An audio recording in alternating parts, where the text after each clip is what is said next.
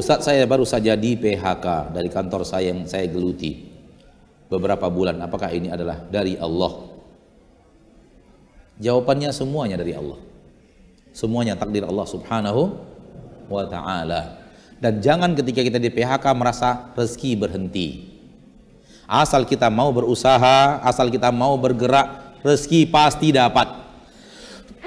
Yang mengatakannya pasti Allah. Allah mengatakan di dalam Al-Quran wa ma min dabbatin fil ardi illa 'alallahi rizquha. Tidak ada yang bergerak di permukaan bumi, melata di permukaan bumi kecuali Allah pasti menjamin rezekinya ada.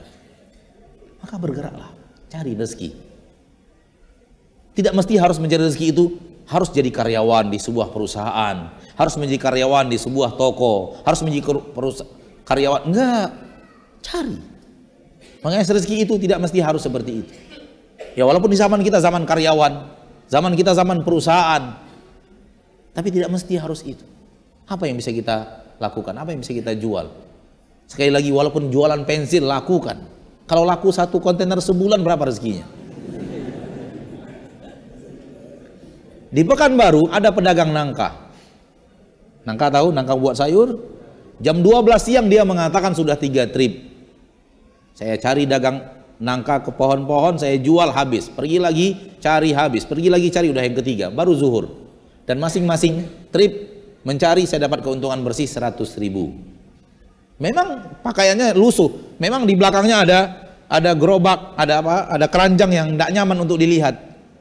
Badannya pun penuh dengan getah. Tapi jam 12 siang dia sudah mendapatkan keuntungan bersih. Dagangnya sebanyak 300 ribu. Kalau dikali 30 hari berapa duit 9 juta. Boleh jadi gajinya itu melangkahi manusia-manusia berdasi. Ya, namun tampangnya memang nggak meyakinkan. Namun orang sekarang sungkan untuk cari pohon-pohon nangka, beli daripada orang yang punya pohon nangka, cari pisang, beli dari orang yang pohon pisang kemudian bawa ke pasar, cari kayu bakar jual ke pasar, malu. Jadi usulan saya cari gunting, setelah itu cari urat di diri Anda bernama urat malu. Potong urat malu. Bismillah. Selagi halal kenapa tidak? Walau menjadi kuli angkut di pasar. Ketika halal kenapa tidak? Yang penting halal. Ya, orang mengatakan sekarang halal sudah sulit, jangan salah. Tidak benar sama sekali. Itu kaidah syaitan untuk menjerat kita masuk ke dalam hal yang diharamkan Allah. Masih terlalu banyak yang halal. Ya. Ketika antum mencari rezeki seperti itu, yang penting adalah fahami bahwa dunia ini, hidup di dunia ini gampang, remeh.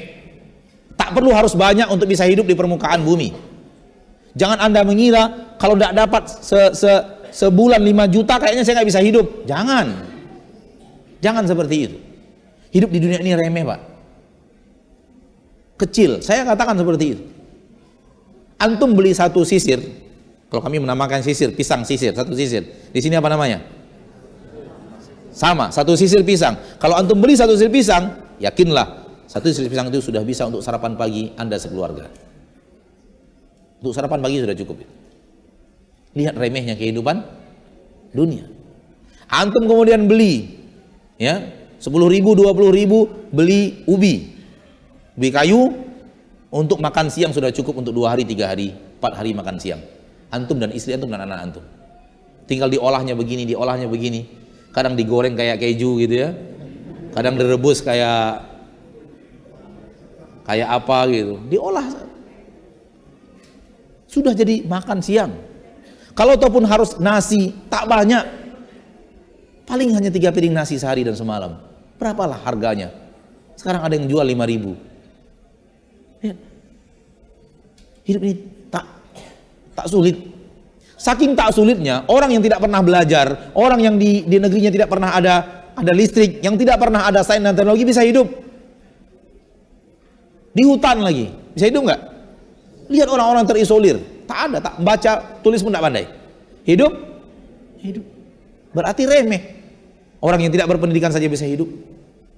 Kenapa kita harus ragu dengan rezeki? Bismillah. Pernah lihat keong? Dalam satu jam berapa lama dia berjalan? Seberapa jauh dia berjalan? Hanya satu jam. Satu jam hanya berapa jauh dia berjalan? Ada rezekinya kok. Kenapa antum yang sanggup berlari tak yakin ada rezeki? Jangan putus asa. Hidup itu hanya remeh.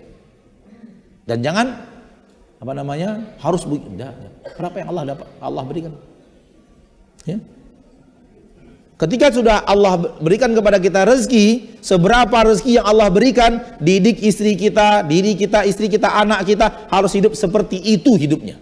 Sekelas rezeki itu hidupnya. Jangan harus lebih tinggi daripada itu.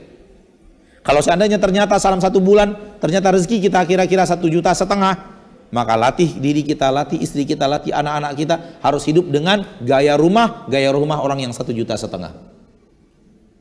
Gaya makan, gaya makan satu juta setengah. Ayahnya yang gajinya satu juta setengah. Pakaian, pakaian ayah yang gajinya satu juta setengah. Seperti itu. Selaraskan. Memang awal-awal terasa berat, tapi jalani insya Allah aman. Yang menjadi sulit itu adalah gaji satu juta setengah hidup ala 5 juta.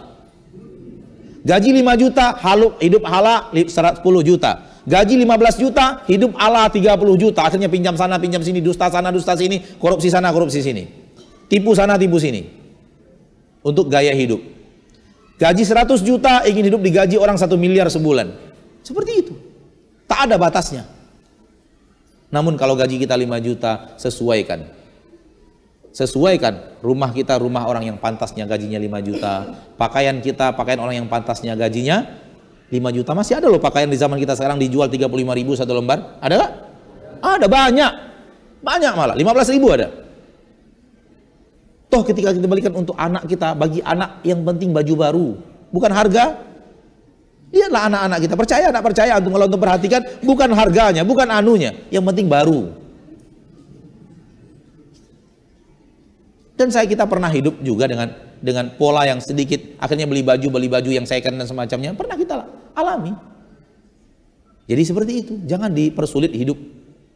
Ya. Allahu a'lam.